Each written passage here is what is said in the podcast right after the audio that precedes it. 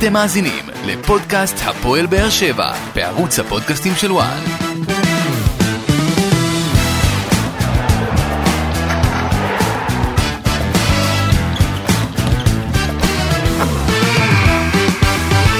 שלום לכם וברוכים הבאים לעוד פרק של פודקאסט הפועל באר שבע בערוץ הפודקאסטים של וואן ועכשיו אנחנו עם פרק אה, לסיכום הניצחון הענק של הפועל באר שבע על השלישית בטבלה הערב במחזור הפועל אה, ירושלים ולצידי כאן אה, בפרק היום בן בודה וסרמיליה מה נשמע? אהלן, מה קורה? מצוין, אחרי תוצאה כזאת אחרי אנחנו תוצאה מרגישים טוב. כזאת אין ספק שמרגישים כבר הרבה יותר טוב אבל אתה יודע היה, צ- היה צריך את הניצחון הזה לגמרי. שייתן את, ה, את הביטחון אה, לכל המערכת, אתה יודע, בעיקר, אתה יודע, שמענו את אלניב ברדה אומר, לשחרר קצת מהלחץ. כן, שמענו את אלניב ברדה אומר לאורך כל התקופה האחרונה, שמבחינתו כל עוד ממשיכים להגיע למצבים, אין ספק שהוא יכול להיות רגוע, והוא בטוח שהשערים ייכנסו בסופו של דבר, וזה מה שראינו, ואם הקבוצה הייתה מצליחה לשמור על עצימות יותר גבוהה גם בחצי שעה האחרונה, ועל זה אנחנו נדבר יותר מאוחר, כי ברדה לא אהב לראות כן. את זה, אז אה, אולי התוצאה הזאת יכלה להיות יותר גבוהה, אבל אתה יודע, אנחנו לא...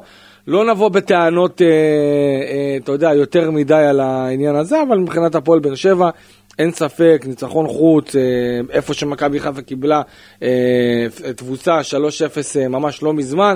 הפועל באר שבע ידעה לעשות את המשחק קל, פתחה את המשחק בצורה חזקה.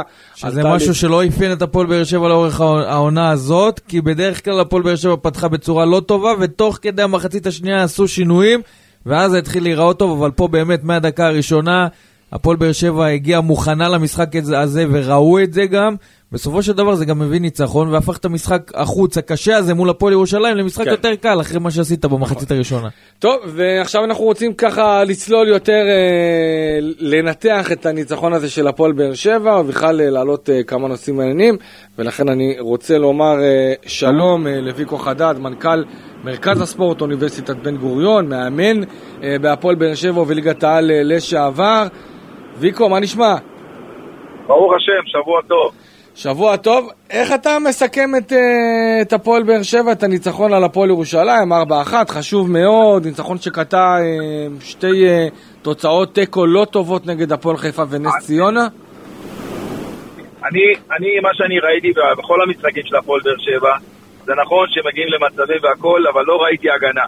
לא אוקיי. ראיתי, לא ראיתי לא הגנה, לא משחק, לא אה, הגנה ארבע בהגנה, ויטור וחבריו, מהמם. אלא החלק הקדמי, שזה בסדר לתקוף, כי הפועל באר שבע חייבת לתקוף ולשחק שמח, כי אחרת האוהדים לא ייתנו להם אה, אה, שקט. נכון. ולכן אליניב ברדה יודע מה הוא עושה, והוא משחק התקפי ומהמר בכל משחק אה, כדי להגיע למצבים וכדי להבקיע שערים. מצד שני, כשאתה משחק ככה ולוחץ על כל המגרש, אתה חייב שכל ה-11 יעשו הגנה, ואני ראיתי שניים שלושה שחקנים שמרמים בהגנה, ולכן ראית בכל משחק מגיעים 4 נגד 3, נכון. 2 נגד 1, 5 נגד 3, וזה אסור שיקרה בכדורגל.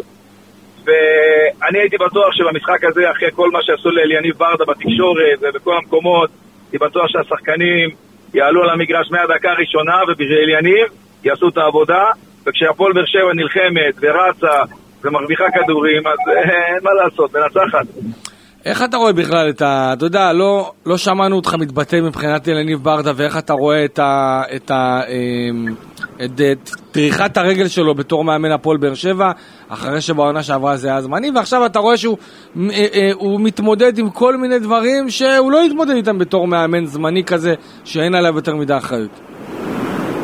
תשמע, זה מאוד טבעי, מאוד טבעי כשאתה בונה את הסגל וכשאתה מתכנן אותו. אה, אין ספק שרואים טבעת אצבע אה, שיניב בקבוצה. רואים שהיא משחקת באורח שלו, בסגנון שלו. כשהוא היה שחקן, הוא היה שחקן מאוד התקפי, מאוד פעיל. אה, וגם פה אנחנו רואים שחקנים, קבוצה מאוד התקפית, לא סתם גם, דרך אגב, הסגל של הפועל באר שבע לדעתי, יש בו הכי הרבה שחקני התקפה בספסל, אם אתה שואל אותי. נכון, כי בדיוק, כי הסגל של הפועל באר שבע, לדעתי לפחות, הוא סגל לא מאוזן. יש הרבה מאוד עומס על הקישור הקדמי וההתקפה, אבל כל. מה שקשור להגנה, ואתה יודע, דיברת על זה שהשחקנים מקרטעים, תשמע, ההגנה של הפועל באר שבע זכותה ברמה שאין דברים כאלה, רואים את זה, אה, אה, אה, רואים את זה. כן, ספיגת השערים של הפועל באר שבע, אנחנו רואים כמעט בכל משחק, וזה משהו של יניב ברדה גם אומר בתקשורת, וזה משהו כן. שגם השחקנים כן, אבל, עצמם מבינים את זה, שז- שזו בעיה לספוג כל משחק. אפשר לתקן את זה בקלות. אה, אתה יודע, אתה מכיר, אני מכיר את השחקנים האלה שמבלטים שעושים גליץ', יעני הולכים להרוויח את הכדור, רק בשביל להגיד עשיתי גליץ', עזבו אותי. הפסדת כדור, רוצה להרוויח אותו. אל, תלך כאילו, תעמוד מול היריב שלך.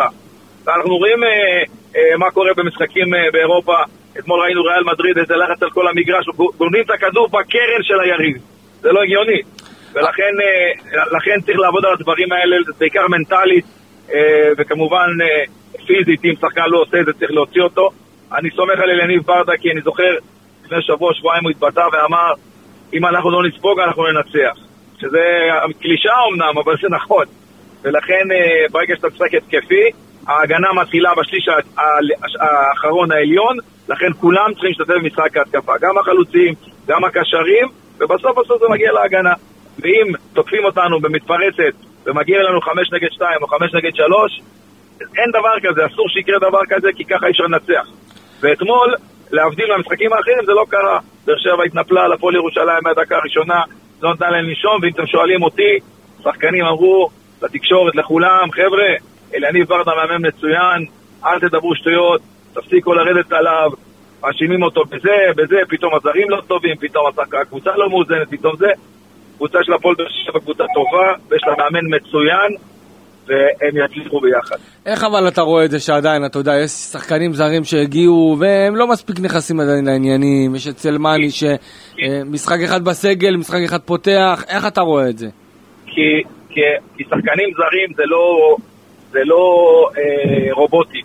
שחקן זר בא ממנטליות מסוימת, עד שהוא מתרגל ועד שהוא מבין, ראינו, יש לנו עשרות דוגמאות בכדורגל, בכדורגל הישראלי ובכלל בכדורגל העולמי. אה, אם השחקן מת- מתאקלם ומיד אה, נכנס לעניינים, אז כמובן אז הכל תקין, הכל בסדר, אבל אם לא, אז צריך לעבוד איתו, ולשבת איתו, ולראות מה קורה, ואיך קורה, ומה קורה בבית שלו, ומה קורה עם המשפחה שלו. זה לא פשוט הסיפור, אה, בסוף בסוף הוא בן אדם.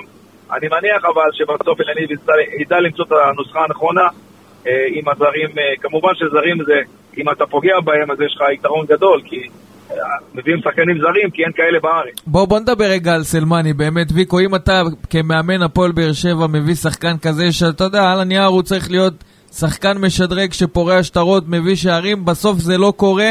ראינו את אליניב מול נס ציונה מוציא אותו מהסגל, במשחק האחרון הוא פתח, האם אתה באמת נותן לו את, ה, את ההרכב משחק אחרי משחק לראות שהוא נכנס ו, ואולי מקבל ביטחון ונותן uh, את מה שמצפים ממנו, או שאתה אומר אם הוא לא עושה את העבודה כמו שצריך, אז אולי שחקן ספסל לכמה משחקים עד שבאמת הוא יעלה וייתן איזה משהו.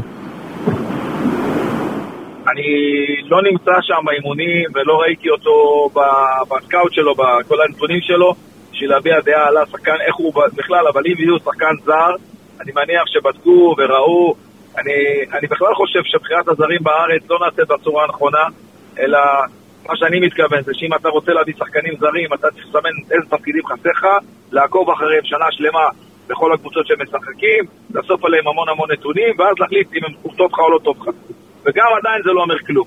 פה בארץ, לצערי, עדיין מביאים שחקנים לפי סוכנים, לפי זה, לפי זה, אה, אבל אה, צריך לתת זמן, צריך לתת זמן, לפחות שליש עונה, חצי עונה, כדי לראות מה יקרה, וכמובן זה לא, אנחנו, לא, אנחנו מכירים את השיטה. לשחקן זר לא מצליח, אה, משתחררים ממנו ומביאים שחקן אחר. תשמע, ויקו, דיברת על הביקורות מקודם שאמרו שלניב ברדה ככה וברדה ככה, אתה היית מאמן. היית מאמן גם בבאר שבע, אתה מאמן באר שבעי שהיה מאמן הפועל באר שבע. איזה טיפ אתה יכול להביא לאליניב, אתה יודע, להתמודד? כי אתה יודע, בטח ברדה, הטלפון שלו פתוח לכולם, והוא רואה הכל, והיום בטח זה עידן אחר כשיש לגמרי. את הפייסבוק, ורואים את כל התגובות, ואתה באמת יכול לראות פרצופים מאחורי כל איזה ביקורת אה, כזאת או אחרת. אה, אני- אבל צריך להתנהל, צריך לדעת להתנהל וגם לדעת לפתח איזה אור מסוים, בטח בבאר שבע. אני אגיד לך מה אמרתי לו. אוקיי. אמרתי לו, לך בדרך שלך. אם תפסיד, תפסיד בדרך שלך. לא בדרך של השחקנים, ולא בדרך של האוהדים. אם תנצח, תנצח בדרך שלך. והדרך שלך היא נכונה, תשפר את מה שצריך, וזה יקרה. ומבחינת ההתנהלות, אתה יודע, עם הקהל, עם כל הטענות שיש מסביב, אתה יודע, צריך, צריך אה, לפתח אין, איזה אין. אור מסוים. תראה, היום מאמן, פעם היה מאמן רק כדורגל. היה בא, מעביר אימון, הולך הביתה. היום מאמן הוא מאמן, הוא חייב להיות איש תקשורת, הוא חייב לנהל צוות, הוא חייב להיות אה, פסיכולוג, הוא חייב להיות אה, מבין בטכניקה ובטכנולוגיה, הוא הכל. ולכן, זה חלק מהעניין, ההתמודדות הזאת עם התקשורת ועם הקהל, איך אתה מייחסן את, את, את מה שאתה עושה בקבוצה שלך לקהל, איך אתה מוכר את מה שאתה עושה לתקשורת. וכמובן, המשחק הזה הוא אה, קשה, כי יש לו גם לאמן, גם לנהל, גם זה, וגם צריך להתייחס לתקשורת. אה, אני חושב שליניב בינתיים עושה את זה נכון. הייתי רוצה לראות אותו יותר, אה, הוא מדבר יפה עם התקשורת, דרך אגב, הוא ענייני, כן. הוא, הוא עונה לעניין, הוא לא מתפלסף, הוא לא עושה פוזות, הוא אומר את האמת. אה, הייתי יותר מציע לו, מה שנקרא, לנסות להביא את הדברים לתוך, לתוך המשחק עצמו, לקבוצה עצמה. להסביר להם ולדבר איתם, אני מניח שהוא עושה את זה, אני מאמין שהוא עושה את זה. כי התקשורת, אין מה לעשות, היא חלק מהמשחק, והיום בכל ה... עובדה, אנחנו בפודקאסט פה, ובפייסבוק, כן. ובכל ה... תראה, כל, המח... כל הקהלי אוהדים, או הקבוצות אוהדים שקמו, זה הכל בגלל הפייסבוק. נכון. היום אתה כותב הודעה, הקמנו. אני מקים אה, קבוצת אוהדים שקוראים לה ויקו. ואז תצטרפו אליי, כן. תצטרפים אליי. אתה מבין? רוצים להביא דגלים, היום להביא דגלים. היום השיר ככה וככה, תתכוננו. אה, קלה קלות, פעם היית צריך לבוא למגרש, נכון. במשך השבוע, ולתאם, ולתכנן. היום זה הרבה יותר קל, ולכן ההדק, האצבע על ההדק יותר קלה, וכל אחד מותר לו להגיד, ואתה יודע, הבעיה בכדורגל, שכל אוהד הוא מאמן. נכון, היום זה נהיה, היום זה עוד יותר. לגמרי. כולם מאמנים, כולם מבינים, איך ההוא החמיץ, דמות שערק, בועט לשמיים. איך לא הביאו את ההוא, למה הביאו את זה, למה זה חתם, למה זה שוחרר. מי שראה את אמבפה ביום שישי, החמיץ בדיוק כמו סולימני וכמו... כן, נכון. כל השחקן החלוץ שלנו. אה, טוב, ויקו, מבחינת, אתה יודע, הפועל באר שבע עכשיו אה, יש לה שני משחקים אה, קשים מאוד נגד ויאריאל, קודם כל ביום חמישי, לאחר מכן משחק בית בטוטו טרנר. עם כל הפציעות וכל ההיעדרויות שיש לברדה, עדיין, אתה יודע, מצד אחד הוא בטוח רוצה להתעסק רק בוויאריאל ולעשות שם את הנקודות ולהשאיר לעצמו סיכוי להפיל אולי לשלב הבא, אבל מצד שני, כשיש את הפציעות האלה ויש לך מכבי תל אביב שאתה יודע שאם אתה מפסיד אז הם יכולים לברוח אה, מרחק שמונה נקודות, אז צריך אולי לחשוב לעשות פה משהו, השאלה אם כמה בכלל יש לו אה, עם מה לשחק בכל הסגל הזה, בעיקר בחלק האחורי. אה, אין ספק שזה נפל בעיתוי לא נכון ולא טוב. אני, ברגע שיש פציעות כאלה, צריך לבדוק למה זה. אוקיי. ומה סוג הפציעות. יכול להיות שזה חלק מעניין האימון? יכול להיות שזה עומס, יכול להיות, אתה יודע, לא כל שחקן יכול להתגבר על העומס הזה. אוקיי. אה, בכל זאת, בכל זאת עומס, בכל זאת אנחנו מדברים על שחקנים ישראלים. יש משמעות גדולה להתאוששות, לאימוני התאוששות, אבל עוד פעם, אני מניח שהם עושים את העבודה כמו שצריך, אה, והם גם אה, בודקים את זה, מה גם שיש להם פיזיולוג, אחד הטובים בעולם אפילו הייתי קורא לו. אה, אבל עוד פעם, אתה צריך לקחת בחשבון ולעשות את הסדר עדיפויות. אני, אם אתה שואל אותי, אנחנו באירופה משחקים, הפועל באר שבע משחקת באירופה, אה, עושה, עושה שם תקופה לא, לא רעה בכלל. אני, אם הייתי המאמן, אם אני מהמר, כן. אני על מכבי תל אביב ולא על ויאריאל. באמת? את כל הכוחות למכבי תל אביב, בוודאי. למרות ש, שאתה יודע, ויה ריאל על הנייר כבר הבטיחה את ההפלה שלה לשלב הבא, ויכול להיות, אתה יודע, ירידת מתח כזאת, הרכב שני, כן. שלישי, אתה יכול להכות שם איזה משהו, ואתה יודע, זה כסף בסוף. אם אתה מצליח לעשות איזה משהו, זה כסף. ספרדיות, כן. קודם כל, בכדורגל תמיד אפשר אה, לעשות במשחק אחד, הכל יכול לקרות. אבל דבר שני, אתה צריך לחשוב מה יקרה הנזק, שנגיד, נגיד, נגיד ניצחת, אוקיי? ומה יקרה אחר כך? אתה צריך לחכות לסיכוי שאולי תעלה, נכון? כן. מקום שני. אולי. אבל אם אתה מנצח את מכבי תל אביב, אז אתה עד הסוף בפנים, ויש לך סיכוי אפילו להתמודד לאליפות. כי אני בסוף בסוף רואה באמת באמת שלוש קבוצות, מכבי חיפה, מכבי תל אביב, באר שבע, בסדר הזה או לא בסדר הזה, לא משנה. אתה רואה את באר שבע באמת נותנת אה, פייט עד הסוף? חד משמעית. גם, ב, גם בסגל הקיים שהוא לא, אה, אתה יודע, שאין שישה זרים טובים כמו מכבי חיפה כן. למשל? כן, אבל עדיין יש את ינואר ואפשר להחליף, אפשר לסדר, ואני בטוח שהצוות המקצועי בראשות של יניב ידעו לעשות את חושבים את ההחלטות הנכונות. אה, חד, חד משמעית זה עדיין אפשרי. ויקו חדד, המון המון אה, תודה שהיית איתנו כאן אה, בפודקאסט. במידה- וישברו את משחק ההגנה של החלוצים ושל הקשרים, ויקו חדד, המון המון תודה. תבדוק מה קורה, אתה מבין?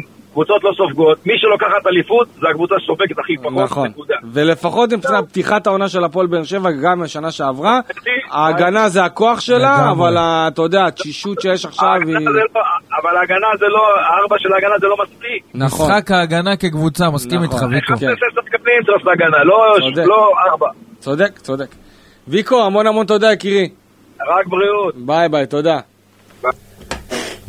טוב, אז אה, זה היה ויקו. אה, תשמע, אני חייב להגיד לך שברמת העיקרון אה, אמר דברים נכונים, אני יכול להסכים לגבי הרבה דברים, ואתה יודע, ויקו עבר כמה דברים. לי, אני בסופו של דבר חושב שויקו הוא דוגמה טובה לכל מאמן באר שבע שמאמן בהפועל באר שבע, שזה לא קורה הרבה. אתה יודע, ויקו היה מאמן, כן. הוא יודע מה זה לקבל את כל העדים האלה מהאוהדים וטענות. אמנם זאת הייתה תקופה אחרת כשהוא היה מאמן, ואתה יודע, האוהדים לא היו כותבים, היו באים. אה, זה היה היו באים לגמרי, אתה כן. יודע, היו באים להשמיע. היו באים להשמיע מה הם חושבים באופן פרונטלי, מה שנקרא. ולא, בדיוק, ולא, ולא, אה, אה, אתה יודע, ברשתות. מקלידים ומקליקים כל היום. היום זה יותר קל, כבר אתה רואה את התגובות, עשית זה- שתי תוצאות גם תיקו אני- בליגה, גם כבר אני- הפכו את העולם. גם אני תמיד אומר לאוהדים, חברים, מי שלא מבין מה עושים באימונים אחרי איזה משחק לא טוב, שיבוא אותם מהאימונים, אתה יודע, המגרשים פחות או יותר הם באזור ציבורי. ולך כבר יש את החור בגדר שאתה מוציא משם את מה שצריך. בדיוק, גם. יש לי את החור ואת הפינה שלי. שום דבר פה לא, אתה יודע, זה לא כמו מכבי תל אביב, קומפלקס שהוא סגור ואתה כן. לא יכול להיכנס. פה אפשר לראות. טוב, אה, בוא, בוא, בוא אה, נחזור קצת אחורה מבחינת המשחק עצמו. אה, הפועל באר שבע מנצחת אה, אה, 4-1 את הפועל ירושלים, מחצית ראשונה מצוינת, שלושה שערים, ספגה שער אחד. שוב, שזה שער של... אני יכול, אני יכול להגיד שזה שער של מיגל ושל גלאזר, לדעתי זה יותר שער של מיגל. אתה שהוא שאין, אתה הוא עייף, הוא אין. אתה רואה שהוא עייף. זה גם לא. עייפות אה, מבחינה פיזית, זה גם עייפות מנטלית, זה כבר כן. אין לו את המחשבה הזאת בראש לתת את הספרינט הזה בשביל, אה, אתה יודע, לה- להציל את הכדור, אבל אין מה לעשות, אנחנו יודעים מה מיגל שווה, זה רמה אחת מעל כל שחקן אחר בהפועל באר שבע, וקורה, קורה כשהוא שחקן שעושה את כל המשחקים כמעט, ושיחק את כל הדקות האפשריות נכון. בהפועל באר שבע, ומשתמשים בו מתי שהוא כשיר. והוא תמיד נותן מעצמו למען הקבוצה, אז אין מה לעשות, קורה גם שיש את העייפות הזאת ו- ומנסים לאושש אותו, אה, ואין לך הרבה הזדמנויות כאלה, כי אתה יודע, עד עכשיו התוצאות גם בליגה היו פחות, אה, נכון. פחות טובות, אז לא היית יכול להוציא אותו במהלך הדקה ה-60-70, ולמרות שברדה ניסה לעשות את זה, אבל אין, אין ספק שמיגל ויטור החשיבות שלו היא עצומה בהפועל באר שבע, קורה שיש גם טעויות של השחקן הטוב ביותר, יש משחקים פחות טובים, צריך לזכור שהפועל באר שבע מבחינת אה, רצף משחקים שעשתה עד עכשיו בכל קבוצה אחרת בליגה, זה, זה כמעט אה, חצי עונה, שלושת רבעי עונה, אז אה, צריך לקחת את זה גם אה, בחשבון. אבל אין מה לעשות. כן. העייפות בסופו של דבר מדברת, העייפות הפיזית, העייפות המנטלית, אבל כמו שאמרת וכמו שאמר ויקו וכמו שאומר אליניב ברדה, הפועל באר שבע חייבת לתת את הדעת על העניין הזה של הספיגות, כי אין מה לעשות, לא כל משחק אתה תכבוש ארבעה שערים, לפעמים אתה תכבוש רק שער אחד ואתה צריך לשמור על רשת נקייה. נכון. אז אה, הפועל באר שבע פתחה כאמור אה, עם עמרי גלאזר, עם אה, שגיב יחזקאל בתור מגן ימני, מיגל ויטור, איאד אבו עביד עם זריקה, אלדר לופז, רועי גורדנה, עדן שמיר, שפי אה, סולימנוב, פתח גם כן אה, אסטריט סלמאני, פאון אה, ורותם חתואל. אה, תכף אנחנו נעבור פחות או יותר, עמרי גלאזר, עצם החזרה של עמרי גלאזר, אני חושב שזה מראה אה, כמה שברדה רצה לתת להרוש את הקרדיט, אה, נגד נס ציונה, משהו שהרוש עבר בצורה טובה זה מאוד. גם היה מתוכנן מראש, אתה יודע, וגם הצוות הוא החמיא המקצועי, לו, הוא גם החמיא לו, אני חייב להגיד לך, וגם הוא גם אני נתן רואה את משחק זה. טוב מול נס ציונה. גם היו לו זה. שם שתי הצלות כן. מדהימות של שוער שאתה רואה שלמרות שהוא עלה מהספסל נכון. נותן- את מה שהוא צריך לתת. זה לא נכון. שהוא עכשיו שכח להיות שוער, אנחנו יודעים יודע, איזה רמה גם ארוש, לא צריך לזלזל ברמה שלו. עדיין זה ביטחון, כן. זה, אתה יודע, זה המשכיות, ואני חייב להגיד שמבחינת ארוש, באמת, זה לא אותו אחד שהיה פה פעם שעברה. אה, מבחינת, מבחינה אישית, אתה רואה איך הוא, איך הוא רוצה יותר שהקבוצה תצליח, איך הוא דוחף את השחקנים האחרים שלידו, ובאמת רוצה קודם כל שהמערכת וכולם יצליחו. אני, אני אומר לך, אני רואה את זה, אני... ארוש, ארוש של כאלה. הקדנציה הקודמת. אנחנו זוכרים איך ארוש הגיע היה להפועל באר עושה לא שבע. מעט פרצופים, לא מעט כותרות, לא כן. מעט עניינים, אבל פה אתה רואה אותו כן, רגוע. ואתה יודע מה, אני, אתה יודע, הייתי רוצה שהוא גם כן, אתה יודע, ייכנס לעניינים עוד יותר, אה, ולעשות איזה שילוב גם איתו וגם עם עמרי. השאלה אה, איך אתה עושה את זה, כי יותר מדי נכון. שינויים כאלה, אתה יודע, יכול נכון, גם. לערער את המערכת, בכל זאת אתה צריך את התיאום הזה בין חוליית ההגנה לשוער. אני מדבר, אני חושב שעמרי גלאזר זה השוער הראשון, ועמרי שוער מצוין, וצריך להיות שוער נבחרת ישראל, אין פה שאלה בכלל. אבל אתה יודע, איך שאני רואה את ארוש מתנהל, כאילו בא לי שהוא גם ייהנה מה... אתה יודע, בא לי שהוא גם אבל יהיה צריך בעניינים. לפרגן לו ככה, כן, לפנק אותו על מגיע- ההתנהלות מגיע שלו. לו, כי אני אומר לך, כי אני אבל- זוכר אבל איך זה- הוא הגיע, זה מה שברדה ניסה לעשות מול. נס ציונה, זה מה נכון. שהוא עשה, כי הוא ראה שיש עומס, ועמרי גלאזר ידע מראש שהוא הולך לנוח במשחק הזה, והרוש לוקח את המושכות. אנחנו כנראה שנראה, יש עכשיו לבאר שבע סדרה, סריה של אה, שישה משחקים בזמן מאוד קצר עד הפגרה כן. של המונדיאל. יכול להיות שנראה את הרוש אה, מקבל גם הזדמנויות ב- בליגה במהלך כן. הסדרה הזאת של המשחקים. יכול להיות, אה, מבחינת מגן ימני, אני רוצה לדבר על שגיב יחזקאל, אה, כמעט ולא התאמן כל השבוע, אה, בגלל אה, מכה חזקה שהוא קיבל בשוק, ואני חייב להגיד שהציוות הזה שלו בתור מגן ימני, עד עכשיו, אני מאוד מרוצה ממנו. אני חושב שיחזקאל מתאמץ, משקיע, עושה משהו שהוא אה, לא מכיר ולא יודע, אתה יודע, הוא משחק בתור שחקן התקפה, קיצוני ימני, קיצוני שמאלי, חלוץ, שמהרגע שהוא הגיע להפועל באר שבע זרקו אותו להיות בתור אה, תשע, כי בגלל שהיו פציעות כן. והרחקות אה, וכל מיני דברים כאלה. בתפקידים האלה, אבל הוא לא עשה יותר מדי בהפועל באר שבע, צריך להגיד את זה. זה נכון. לא מה שציפו משגיב יחזקאל כשהוא הגיע. והנה ברדה משנה לו את העמדה, נותן לו את עמדת המגן הימני, אתה יודע, עם אני- כל השיקולים שיש ואין לך ש- יותר מדי מגנים, אז כן, הוא ניסה פה אני- לעשות איזה משהו, יכול שמע, להיות שזה מתברר כמשהו שנותן גיבוי טוב כרגע. שגיב יחזקאל, אם הוא ידע ואם הוא ילמד לעשות הגנה בתור מגן, שזה אין מה לעשות. אם עכשיו נניח, סתם דוגמא, שגיב יחזקאל יקבל גול מה, מהצד שלו, כי הוא לא ידע לעשות uh, עבודת הגנה כמו שצריך, וואלה, אני לא אאשים אותו, כי הוא לא מגן ימני. זה כמו שאני עכשיו, אני אקח אה, חלוץ ואגיד לו תשחק בלם, אם הוא יקבל גול ויעשה טעות, אה, תשמע, מה, מה אפשר לעשות? זה חלק, מה, חלק מהשכר לימוד. למרות שאם אני אבל- מסתכל על אני- הנתונים שלו אתמול, אז אני מסתכל על חילוצי כדור, הוא ביחד עם לופס וויטור, באותו מספר, שישה מאוד. חילוצי כדור. אני מסתכל על תיקולים מוצלחים, מספר אחת על המגרש בהפועל באר שבע. יותר מלופס? וזאת אומרת, רואים שהוא נותן את מה שצריך, והתקפית, דריבלים, יש לו אה, שתיים אה, מחמש. אבל uh, זה עדיין, עדיין אני מצפה ממגן שמשחק נכון. בהפועל באר שבע, כי לא ראינו יותר מדי התקפות מהצדדים של הפועל באר שבע, נכון. לא מצד ימין ולא נכון, מצד שמאל. זה אבל, הוא יצטרך, אתה יודע, הוא יצטרך ללמוד תוך כדי תנועה, ואני בטוח שאנחנו נשלם על זה, בטוח, אני, אין מה לעשות. כי זה אבל לא, יחד זה עם לא, זאת, זאת לא העמדה הטבעית אבל- שלו, ו- כן. וברדה מנסה פה לעשות איזשהו מהלך נכון? עם כל השיקולים אני, אני של פצועים זה, וכאלה. אני אוהב את זה. אני חושב שגם הוא מאוד מאוד מהיר, הוא מאוד טכני, ואלה דברים שיכולים לעשות מגן, אני אומר לך, אם הוא ייכנס לזה כמו שצריך והוא ידע מתי לעלות, מתי לא לעלות, מתי להיות יותר אגרסיבי, מתי פחות אגרסיבי, מתי, ואתה יודע, איך גם לשמור על, ה, על השחקן שנמצא ממולו, הוא, זה, תשמע, זה זאת יכולה להיות יציאה גדולה, אה, ושוב, צריך לראות איך זה יעבוד, אה, שלושה בלמים, שני בלמים, בדיוק. תלוי זאת ש- איך, זאת שאלה אבל, מאוד אבל משמעותית. ב- באמת מגיע לו כל הכבוד, כי אתה יודע, זה לא דבר פשוט שאתה אה, שחקן שכל החיים שלו רגיל לשחק בת- בעמדות התקפה, פתאום לרדת לשחק הגנה, גם מנטלית צריך לדעת, אתה יודע, לקבל את זה כמו שצריך, כמו גבר. אה, וגם, אה, אתה יודע, אנחנו, בוא נגיד ככה, שחקני הגנה בהפועל באר שבע, לא חשוב שמות, שנאו לעשות את המעבר מעמדת הבלם למגן, אז... אה, אמרת לא חשוב שמות, יכול להיות שאותו שם הולך לקבל את רוני לוי, שזה בכלל הולך להיות פיקנט- וואו, לא הולכת להיות חשבתי על זה. פיקנטריה מדהימה שם, אבל. לגבי שגיב יחזקאל, לא חשבתי על זה. יכול מאוד להיות שאנחנו נרוויח אותו, אני רואה גם תגובות של אוהדים, שאתה יודע, אנחנו מכירים את התגובות על שגיב יחזקאל בתקופה האחרונה, על כמה שכבר רצו להיפטר ממנו, והנה הוא משחק בעמדת המגן הימני, יש לא מעט אוהדים של הפועל באר שבע שדי אהבו לראות את מה ששגיב יחזקאל עושה בעמדה הזו, אבל כמו שאמרת, יהיה חייב להשתפר, ללמוד את העמדה הזו בצורה יותר כן, טובה. אבל ו- אני, קודם כל אני בטוח שיסבירו לו, אני בטוח שהוא ילמד והוא יעבוד על זה, ואתה יודע, אני- שוב אני אומר, אי אפשר לבוא בטענות יותר מדי, כי זה תפקיד שהוא לא מכיר והוא כן. אה, לא עשה אותו. מסכים איתך. אבל אה, אתה יודע, עדיין אני, אני רואה המון המון דברים טובים שיכולים באמת להצליח תוך כדי תנועה, אה, בעיקר ברמת ה, ה, ברמה ההתקפית, שזה בעיטות, מסירות, וגם היו לו כמה כדורים מסוכנים שהוא עשה מה, אה, מהאגף שלו. אה, מיגל ויטור, שער, בישול, מדהים בקטע הזה, מבחינה הגנתית אתה רואה שהוא גמור. כן, רואים, אתה רואה שהוא רואים, גמור. רואים כבר את העייפות, רואים זה- את החשיבה הפחות יודע, חדה. ברגע אחרי הרביעי, ברגע שלברדה הייתה את ההזדמנות להוציא אותו, פשוט הוציא אותו החוצה, אה, גם גורדנה שתכף ניגע בו, אבל באמת מיגל החזיר עם הטעות שהוא אה, עשה נגד אה, נס ציונה, הטעות הקשה מאוד, באמת ש...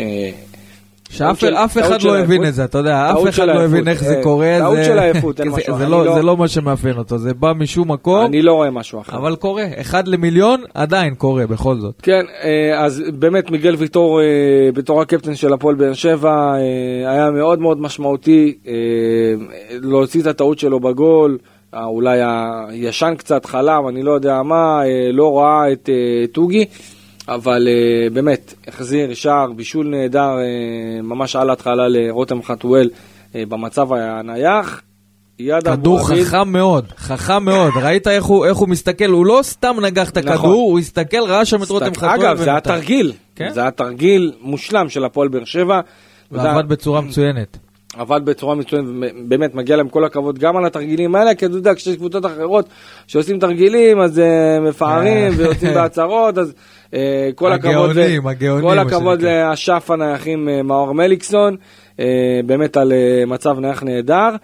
אה, אבו עביד, גם, אתה יודע, גם צריך לדבר עליו, כי הוא באמת אה, עולה משחק אחרי משחק בתקופה האחרונה עם זריקה, סובל מכאבים עזים בשרירי הבטן.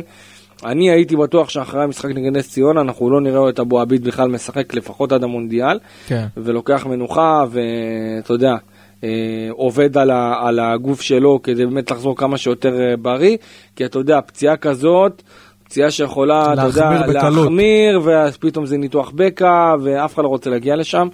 אה, אז אני מקווה מאוד שבהפועל באר שבע יודעים מה הם עושים, ואתה יודע, אם אני מסתכל עכשיו על, על, על שחקני הגנה, טיבי בחוץ, כן. אה, אבו לא כשיר במאת האחוזים, עולה עם סחוט. זריקה, מיגל סחוט, גם סופז סחוט. גם לופז אין- אין סחוט. לו- אין לו אלטרנטיבה לאליניב לופס ברדה גם סחוט. לעמדה הזאת. אתה מבין סחוט. עכשיו, עכשיו בוא נגיד, בוא נגיד בלוריאן, אוקיי? עכשיו, באירופה, אתה לא יכול להשתמש. אתה לא יכול להשתמש בבלוריאן, זאת אומרת, נגד ויה ריאל, אם אתה לא עולה עם מיגל ויטור ועם שי אליאס, ועם שי אליאס, אני כבר חושב על שי אליאס, כן, אני כבר חושב על שי, ב- לא, אני חושב גם על שי אליאס כבר בתור בלם, כן. כי זה מה שגם בהפועל שיחקו איתו, אז אני- אם עכשיו, אז אם עכשיו אתה אה, לא יכול לשחק עם בלוריאן, אז אתה חייב לפתוח עם אה, מיגל ויטור ועם אבו עביד. כן. ששניהם גמורים במשחק כזה בספרד נגד אה, קבוצה כמו ויה ריאל. אני באמת, אני לא יודע איך יעברו את זה, אני מקווה מאוד, אתה יודע, אני, אני מקווה שהם יודעים מה הם עושים בגדול. אה, לופס דיברנו עליו, ואני חושב שיש לו ירידה ביכולת, יש לו ירידה ביכולת, מרגישים את זה. אה, אני חושב שזה פוגע בו יותר בפ- בפן ההתקפי, כי כן. בפן, ה- בפן ההגנתי אה, לא תמיד יש לו את את, הרבה מאוד עבודה. האתגר הגדול זה נגד מכבי תל אביב לראות, אה, בוא נקווה שהוא בכלל יוכל לשחק, כן, כי אין לדעת. כל שחקן בבאר שבע נופל כמו דומינו, כן, שזה הזיה מוחלטת. העומס הזה הורס. אה, רועי גורדנה, תשמע, בא לי לדבר קצת על רועי גורדנה, כי אני חושב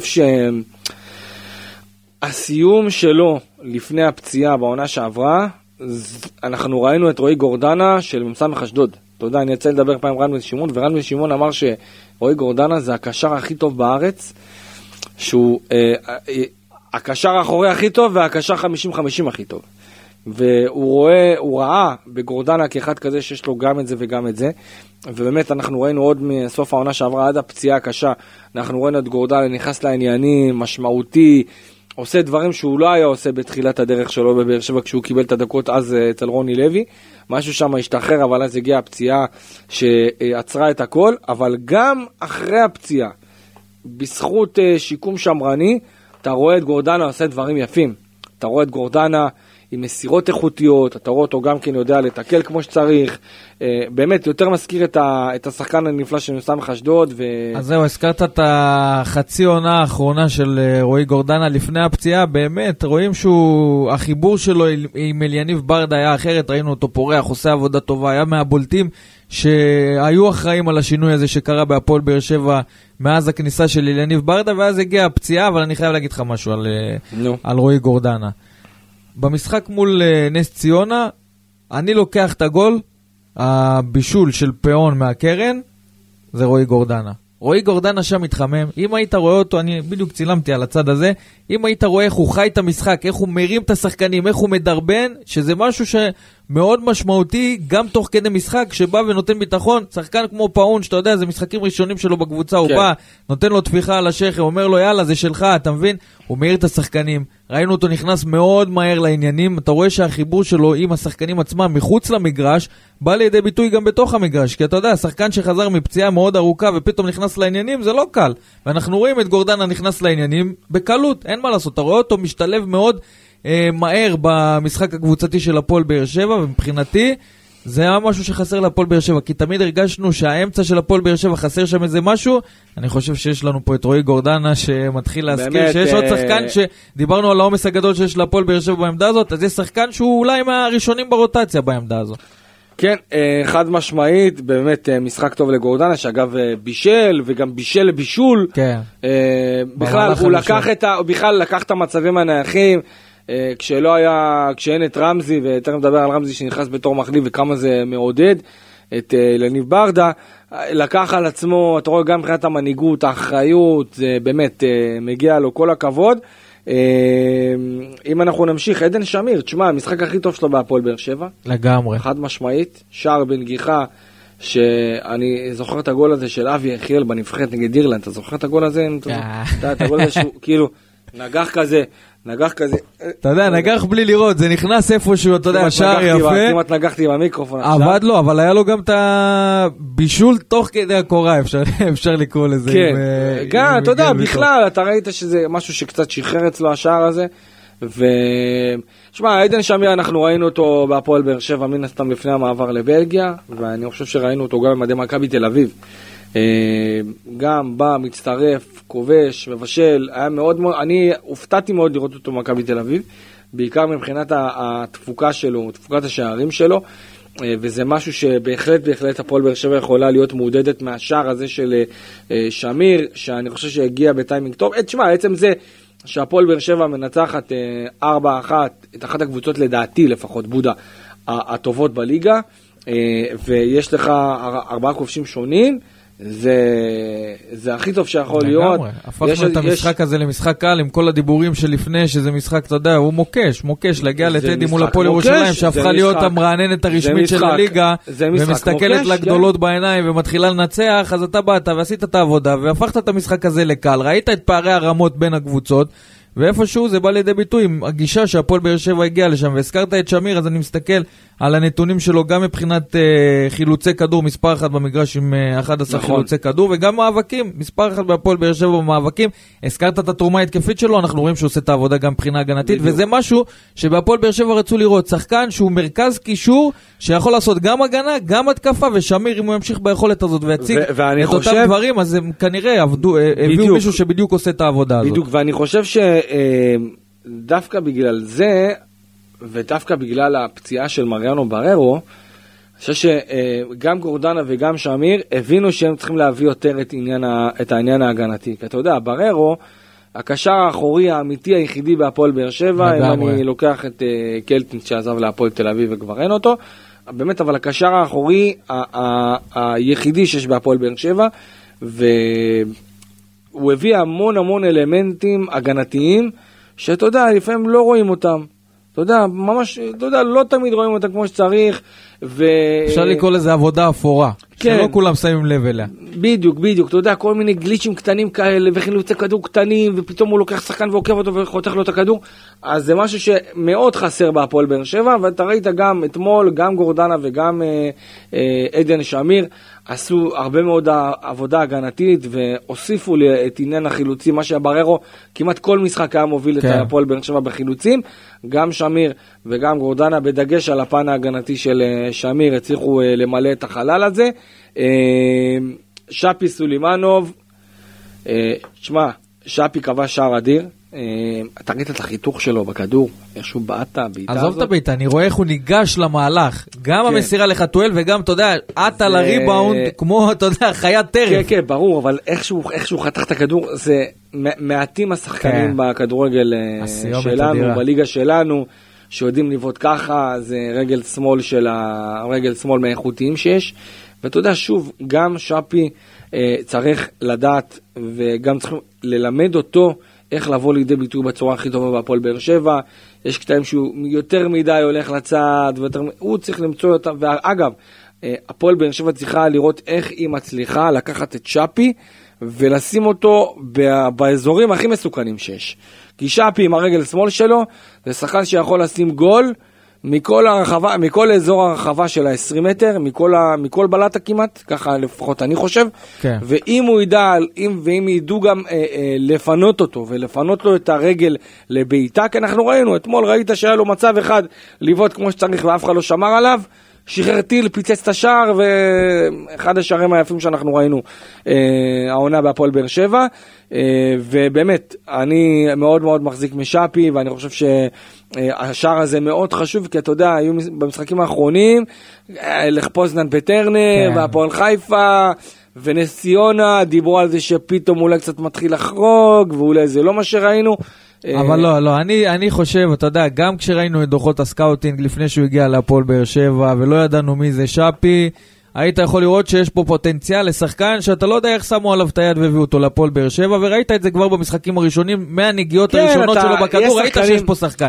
עכשיו הגיע. העניין שאולי למדו אותו, ואני לקחתי את זה בקטע של לא היה מגן שעשה איתו את העלייה ופתח לו את המשחק בסופו של דבר בהפועל באר שבע, כי ראינו שזה היה חסר, אבל אין ספק ששאפי מבחינת משחק יצירתי מוסיף המון למשחק של הפועל באר נכון. שבע, יכול להיות שלומדים אותו, לומדות אותו קבוצות כאלה ואחרות, אבל עם עזרה ממגן תוקף על הקו, זה יכול להיראות הרבה יותר טוב אה, מבחינת שפי, אבל אין ספק, איומים לשער תמיד היו לו. בדריבלים הוא תמיד מוביל במשחקים של הפועל באר שבע, וזה מבחינת המשחק היצירתי. פותח את המשחק ההתקפי של הפועל באר שבע, כן, וגם יחד סחיטת עם זאת, נכון, העבירות למצב, שמביאים למצבים הנייחים, שזה לגמרי. גם אה, מאוד משמעותי. יחד עם זאת, עד עכשיו הוא לא היה יותר מדי מדויק, וזה לא רק הוא, כי זה באופן כללי כן, הפועל באר שבע. פשוט במשחק הזה מול הפועל ירושלים, הפועל באר שבע הייתה יעילה מאוד מול השער, כי אם אני מסתכל, בוא נסתכל רגע על המשחק מול נס ציונה. 12 בעיטות לשער, רק 4 מהם למסגרת, בסוף כבשת שער אחד. מול הפועל ירושלים איימת פחות, בעטת 7 בעיטות לשער, 6 מהם למסגרת, היית יותר מדויק. וארבע הלכו, אה, ארבע בעיטות הלכו לשער, נכון. וזה, וזה בסוף ההבדל מבחינת הפועל באר שבע, וזה גם מה שאליניב ברדה אמר, הפקק השתחרר, וגם נגד הפועל הגיעו חיפה, למצבים, צריך לדעת לנצל גם אותם. נגד הפועל חיפה היה צריך להיות חמש, ובסוף נגמר 2-2.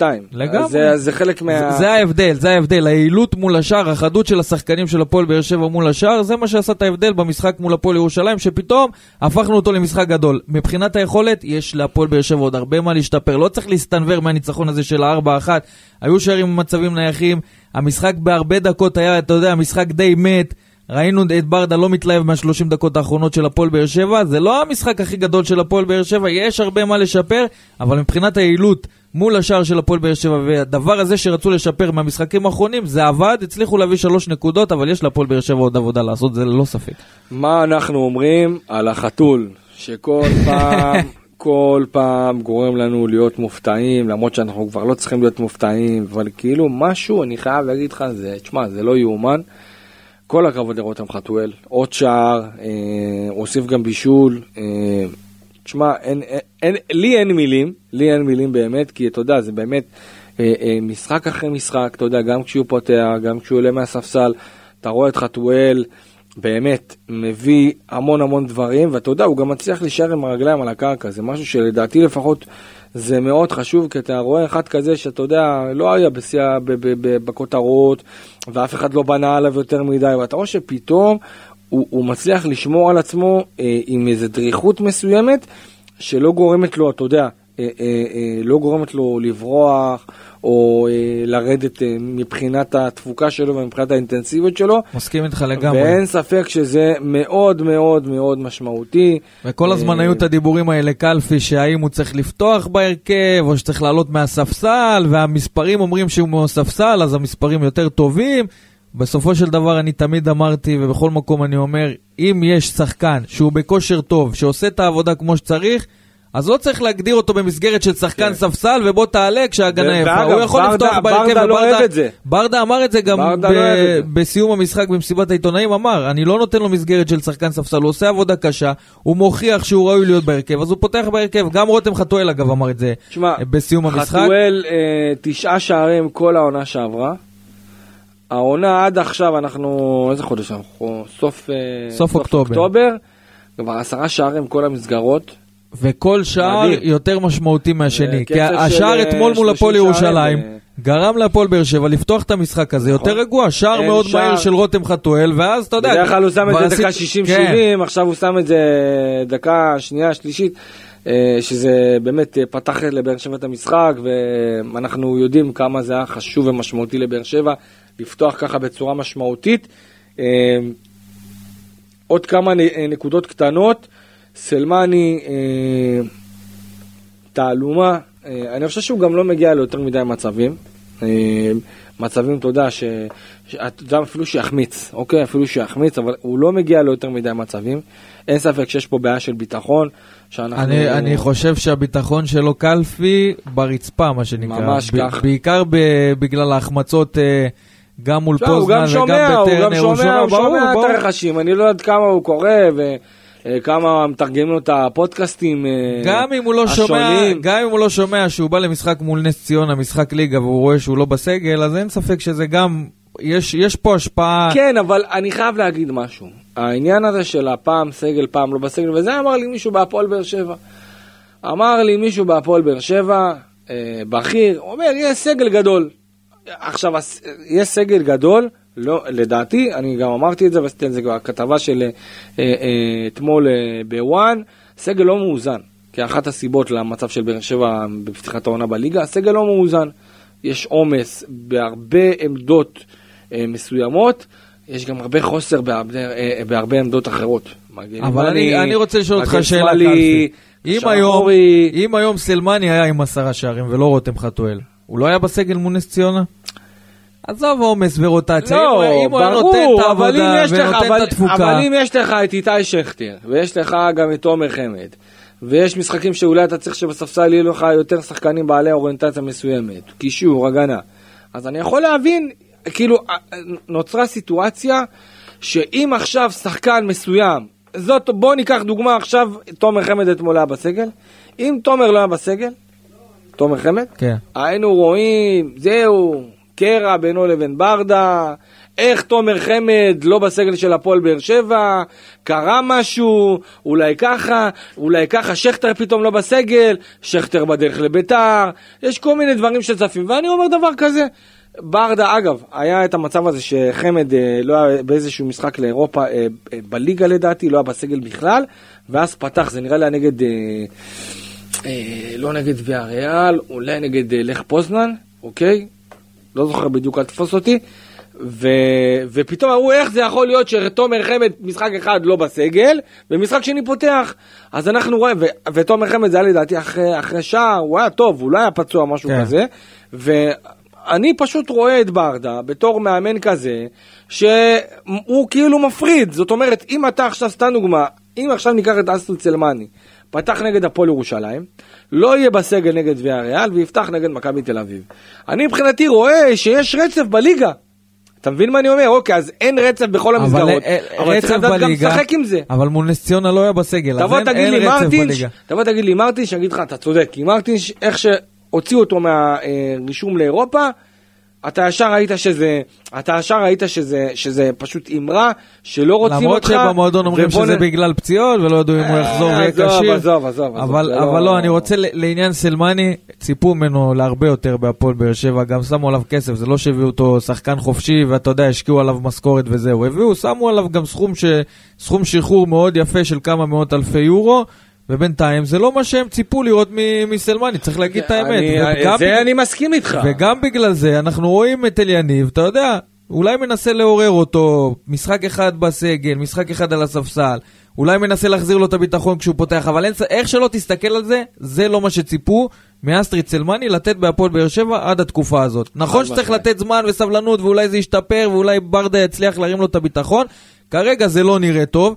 ובמשחקים בליגה, אני מסתכל על נתונים של עיבודי כדור, אנחנו מדברים על, על שחקן שאומרים שלא מגיעים אליו כדורים, בסוף הוא מוביל בעיבודי כדור בהפועל באר שבע, כמעט כל כדור שמגיע אליו, באחוזים מאוד גבוהים, מאבד, הוא מאבד אותו, אז זה אומר שהוא עדיין לא מחובר לקבוצה, זה עדיין לא זה, הוא עדיין לא חד כמו שמצפים ממנו. ואני מאוד מקווה שבהמשך אולי יתברר שאנחנו רואים פה שחקן אחר, אם הביטחון אה, ילך ויגדל, ואם ברדה ידע להרוויח אותו, ונראה אותו מקבל יותר מצבים, לא יודע מה, איזה משהו בלתי צפוי. הוא צריך בסוף לתת שערים. ככה נבחן שחקן זר, חלוץ זר שמגיע לפועל באר שבע, ככה צריך לבחון גם את סלמני. כרגע הוא לא נותן שערים, ורותם חתואל עדיף על פניו עם משכורת שאתה יודע מה, אולי 30% ממה שמרוויח סלמני, ופרגנתי. כן, אה, בואו נדבר על החזרה של אה, רמזי. אה, חזר מפציעה, באמת אה, תקופה אה, לא קצרה, אז בנבחרת ישראל שהיה אמור לפתוח, ובאימון המסכם אה, אה, הרגיש עוד פעם את אה, אותו אזור כואב, עשה שיקום, חזר מפציעה, דקות ראשונות מאז שנעדר. ואני חושב שזה מאוד חשוב לבאר שבע מבחינה התקפית, גם מבחינת המצבים הנייחים, שאתה יודע, יש כאלה שאומרים, מה, מצבים נייחים? מצבים נייחים זה חלק מהמשחק של קבוצת כדורגל. כשקבוצות אחרות עושות את זה, מהללים ואומרים תרגילים ועובדים על זה מהבית וזה יפה, אבל כשבאר שבע עושה את זה פתאום אומרים באר שבע כובשת רק מצבים נייחים. כן, כבר התחילו לעשות את החישובים, עשרה שערים אני מ-20, מאוד- וזה מצבים... אני מאוד לא אהבתי את הקי- את מצבים הקפיצות שהיו נייחים זה אתמול. חלק מהכדורגל, והקיצות לא- האלה לא במקום, ואתה יודע מה, שימשיכו לדבר על זה מפה עד לונדון. אתה- יודע על מה אני מדבר? על איזה עקיצות אני מדבר? כן, קראתי את העקיצות, שמעתי גם את העקיצות אז- על זה שהפועל באר שבע חצי מהשערים שלה זה מצבים נייחים. אז אני אחרי זה, אני גם אגיד לך בדיוק אה, על איזה עקיצות עוד יותר אני מדבר. אה, ובאמת, אני חושב שזה מאוד קריטי לבאר שבע, ושוב, גם עם רמזי צריך שזה יהיה בצורה הדרגתית. גם עניין הכתף זה אזור מאוד רגיש, ואתה יודע, צריך גם לשמור עליו בפן הזה. אה, אבל בסך הכל, ככה, אם נסכם את המשחק, הפועל באר שבע מורידה את הלהבות, משתיקה את הביקורות קצת, אבל יחד עם זאת חייבת המשכיות, ואם אנחנו. לוקחים את זה לוויאריאל. מכבי תל אביב, כמו שוויקו חדד אמר, אה, מכבי תל אביב, אני לוקח את המשחק הזה כהרבה יותר חשוב. אה, זה משהו שאני גם יכול אה, להבין אותו, כי אתה יודע, ויקו אמר, גם אם אתה מנצח את ויאריאל, אז עדיין אתה לא תלוי בעצמך, ואתה תלוי בתוצאות של פוזנן. אבל מכבי תל אביב, אם אתה מאבד נקודות, או מן הסתם מפסיד, זה כבר הופך להיות שמונה נקודות, וזה כבר פער ש... ולא הזכרנו את העניין הכי חשוב של הפועל באר שבע, הבעיה שלה באיצטדיון טרנר, אנחנו על חמש נקודות בלבד מתוך בדיוק. 15 אפשריות, כשבחוץ אנחנו ארבע בדיוק, מארבע ניצחונות. בדיוק, שזה, אני לא זוכר מאזן כזה, פתיחה כזאת של באר שבע בחוץ. אתה מבין? בחוץ ובבית. אנחנו מטורף. גם לא כאילו, זוכרים את ש- טרנר שאם ביתי, זה מה שאנחנו זוכרים אותו. תחשוב שאם טרנר עכשיו, אם היית, שו- בוא נגיד בהנחה, ובוא עכשיו אנחנו נעשה פינת האם והאם והאם, אם היית, אם היית עושה תיקו נגד אשדוד, אוקיי? תיקו נגד אשדוד ולא מפסיד, מנצח את הפועל חיפה, מנצח את נס ציונה, היית היום עם עוד חמש נקודות, היית היום, אה, תקן אותי אם אני טועה, אה, מקום ראשון בטבלה. כן. נכון? כן, עוד חמש היית- נקודות. מכבי היית- תל אביב, ההפרש בינך לבינם זה אה, ארבע נקודות, נכון? או חמש? לא, או שוויון נקודות. תכף, תכף אנחנו מסתכלים בטבלה, אבל בוא נגיד עוד חמש נקודות. היו שמות את הפועל באר שבע אחרי תשעה מחזורים, בעמדה אה, בודה, בעמדה אה, מטורפת. יחד עם זאת, אני חושב שאתה יודע, הפועל באר שבע מבחינתה אה, צריכה לקחת, כן, חמש נקודות, הייתה משתווה למכבי תל אביב. נכון. הייתה אה, מש... הייתה משת... אבל אתה יודע מה, זה, זה הכל שיקולים שלי, ואם בסוף לא עשינו את העבודה, וצריך להסתכל הלאה, ואם אנחנו מדברים על דברים שאנחנו רוצים לשנות, אז הדבר הראשון שבהפועל באר שבע רוצים לשנות, זה צבירת הנקודות באיצטדיון טרנר, ואנחנו נארח שם את מכבי תל אביב. ואין אופציה אחרת מלבד ניצחון, אנחנו תמיד מדברים על זה, כי אין, אין כן. קבוצה שלא רוצה לנצח, אתה תמיד רוצה לנצח, אבל ברור. הגיע הזמן לחזור ולנצח באיצטדיון קודם כל טרנר. אבל יש את ויאריאל, אתה יודע, קודם כל ויאריאל, אה, אני חושב שגם גם אם ברדה אני לא רוצה- הייתי מוותר על ויאריאל. לא בתחושה שלי, לא גם- איתך גם ועם עם ברדה- ויקו, אתה עדיין יש לך על מה לשחק. אתה לא צריך לבוא בגישה של אני מוותר מראש. גם אמרתי את זה לוויקו, ויאריאל כבר הראש שלה, אתה יודע, בשלב הבא, כבר הבטיחה את המקום, כנראה שייתנו גם מנוחה לשחקנים. אתה תוכל לעשות שם איזה משהו אם באמת תבוא בגישה של להוציא משם נקודות. כי אין לך מה להפסיד, צריך להגיד את האמת, להפועל באר שבע אין מה להפסיד. אף אחד לא מצפה שהפועל באר שבע תבוא לוויה ריאל ותוציא נקודות, אז אף אחד לא מאמין. כדאי שהשחקנים והצוות המקצועי יאמינו, ואולי יחזרו משם עם, אה, עם הפתעה. אם תפסיד, לא נורא, לא ציפו. אם תנצח, אתה, תהיה, אתה תעשה פה הישג גדול, ואני חושב שלשם הפועל באר שבע צריכה לכוון, להגיע לוויה ריאל, במטרה לעשות שם איזושהי הפתעה. ואין מה לעשות, אירופה זה תמיד מרגש, ניצחון כזה יכול uh, לעזור מאוד לאנרגיות של הקבוצה, גם לקראת המשחק מול מכבי תל אביב, כי אם אתה עושה ניצחון כזה, אתה יודע, כבר התחושות פה אחרות. ניצחת את הפועל ירושלים, אתה מגיע לוויה ריאל, עושה תוצאה טובה שם, מגיע למשחק מול מכבי תל אביב עם אנרגיות טובות, אנחנו זוכרים מה, לפני כמה ימים אתה שמעת את כל הדיבורים השליליים אחרי התוצאות של הפועל באר שבע. הניצחון הזה מצליח להשכיח אותם, תוצאה טובה מול ויה ריאל ואנחנו יכולים להגיע רגועים למשחק מול מכבי תל אביב. כן, אה, אני אגב חושב, אה, לפני שאנחנו נסיים, אה, אור בלוריאן, לדעתי, חייב להתחיל לקבל דקות בהרכב של הפועל באר שבע.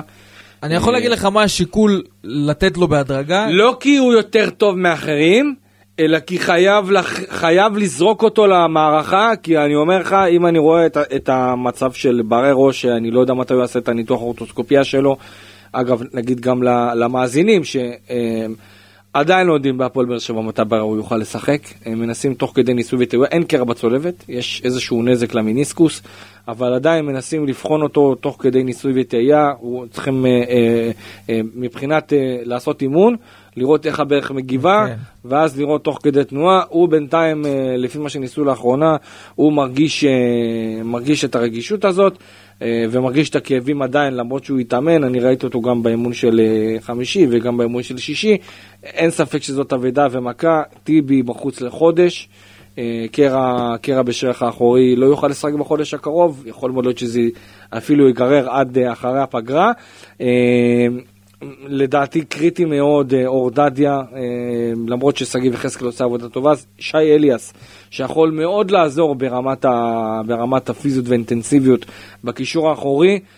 צריך לראות איך הוא יעשה את האמונים השבוע, לא רואה אותו אה, לוקח חלק במשחק נגד והריאל, הלוואי, אבל שוב זה תלוי איך הוא, איך הוא יתמודד עם, ה, עם הפציעה הזאת. אה, ובאמת הרשימה, אתה מבין את השילוב, גם העומס משחקים ארוכה. וגם השילוב הזה של הפציעות של שחקני הפועל באר שבע, זה- בדיוק. זה משהו ה- כמעט בלתי אפשרי להרים הרכב ש- שייתן מעצמו. באמת, אתה יודע, גם אם אתה, גם אתה אומר, אוקיי, אני, גם אם ברדה אומר היום, אני הולך להשקיע את רוב האנרגיות שלי במשחק נגד מכבי תל אביב. מה הוא יכול לעשות נגד ויאריאל? אין לו, אין לו רוטציה יותר מדי. רחבה, אין לו. מבחינה אין אחורית, כן. בהתקפה יש לו יותר אפשרויות. כן, אוקיי, מסכים. בקישור יש הפציעות- אפשרויות. הפציעות פה יכול צמצמו לתת פתאום אפשרויות. לתומר, שאגב, תומר- גם צריך אגב- לזכור שיש לך- שלושה ארבעה שחקנים שלא יכולים לשחק מול ויאריאל בגלל שהם לא רשומים נכון. למשחקים באירופה, שזה בכלל מצמצם לך את האפשרויות, גם הלא רשומים, גם הפצועים, וגם, אתה יודע, השחקנים שהם פחות בכושר, כן. אבל אה, אני עוד מאמין ח- שהוא ימצא את ההרכב בסוף. אני חייב גם להגיד משהו, אה, כואב לי שתומר יוספי ככה, אה, אומנם הוא חזר לסגל, אבל באמת כמעט ולא משחק. אני, אני מאוד מאוד מקווה שמשהו שם ישתנה והוא גם יתחיל לקבל דקות, בטח עם העומס שאנחנו רואים שיש בקישור. אולי ויאריאל. תומר יוספי שחקן שיכול להוסיף המון המון המון איכות בחלק הקדמי וגם מבחינה פיזית אנחנו זוכרים שתומר היה עולה בהפועל באר שבע בתור השחקן הזה שמדליק את כולם והמרץ, כן. והאנרגיות ו- ועושה גליצ'ים ודוחף ומקבל צהובים ועושה כל מיני דברים קטנים כאלה שמוצאים את השחקנים של הקבוצה היריבה מאיזון ומאוד חסר לי אבל משום מקום, משום מקום מול, לך פוזנן. בחוץ, לך פוזנן בחוץ הוא פתח. ולא לא הרבה חשבו שהוא יפתח במשחק נכון, הזה, אבל אבל הוא עדיין- גם היה לא טוב, קלפי, הוא היה גם לא טוב. נכון, בסדר, אבל עדיין אני חושב שגם גם ברמה של הלא טוב, יש פה את העניין הזה של לשחק ולשחק וביטחון, ואתה יודע, זה כמו שעכשיו אתן לך דוגמה, אביב סולומון. אה, אביב סולומון, המגן השמאלי השני של הפועל באר שבע, לא נספר. אבל הוא לא נספר. וגם כשהוא שיחק, אז זה תמיד היה ארבעה חודשים בחוץ, שלושה חודשים בחוץ, משחק ועושה איזה טעות קטנה, ופתאום לא- לא עוד היה- שלושה ארבעה חודשים בחוץ. כל- אתה- כל ברגע שאתה לא אבל משחק צריך להיות בצורה אמיתי, גבוהה... קלפי. מה? אביב סולומון, כל אבל הזדמנות שהוא כל קיבל, הזדמנות שהוא קיבל אחרי כמה זמן. אנ- כן, אבל אחרי כמה זמן זה, הוא תמיד לא שיחק שלושה חודשים, זרקו אותו למשחק, פותח בהרכב אחרי שהוא לא, לא שיחק, אוקיי? לא שיחק, ואז מה לעשות? זה חלק מהדברים, שאתה לא משחק הרבה זמן, אתה לא חד מספיק, אתה לא איכותי מספיק בפעולות שלך, זה לא פשוט. מצד ו- שני, אם אתה שחקן ספסל שרוצה להוכיח שמקומך בהרכב הפותח של הפועל באר שבע, אתה צריך לעשות את זה בכל הזדמנות שאתה מקבל. גם אם זה 30 דקות, גם אם זה משחק פעם בשלושה חודשים, באותה הזדמנות שאתה מקבל, אתה צריך להוכיח גם למאמן וגם לצוות המקצועי שיש על מי לסמוך, ואביב סולומון הרבה פעמים לא עשה את זה. נכון. טוב, אה, כאמור אה, ביום אה, חמישי הקרוב, הפועל באר שבע נגד והריאל הספרדית, המצב כאמור בבית, אפשר להגיד הבית הבאר שבעי. ויה ריאל עם 12 נקודות, לך פוזנן במקום השני עם 5 כמדומני, הפועל באר שבע עם 3.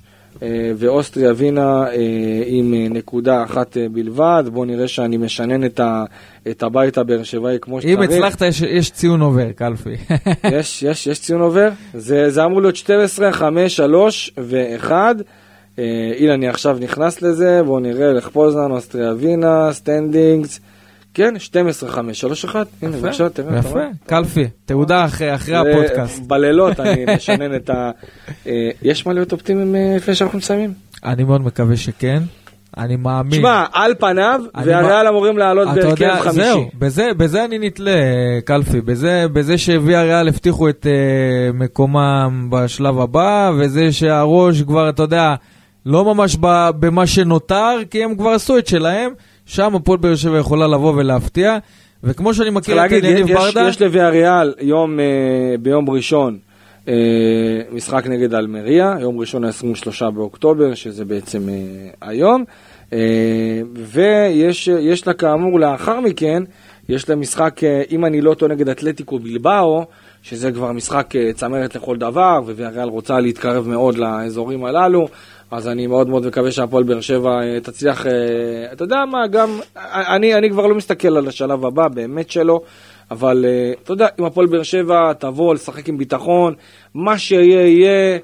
זהו, ואתה יודע מה, אני גם מה שיהיה להיות אחראים, כי זה משחק עדיין נגד אחת הקבוצות הטובות בספרד, לפחות לדעתי.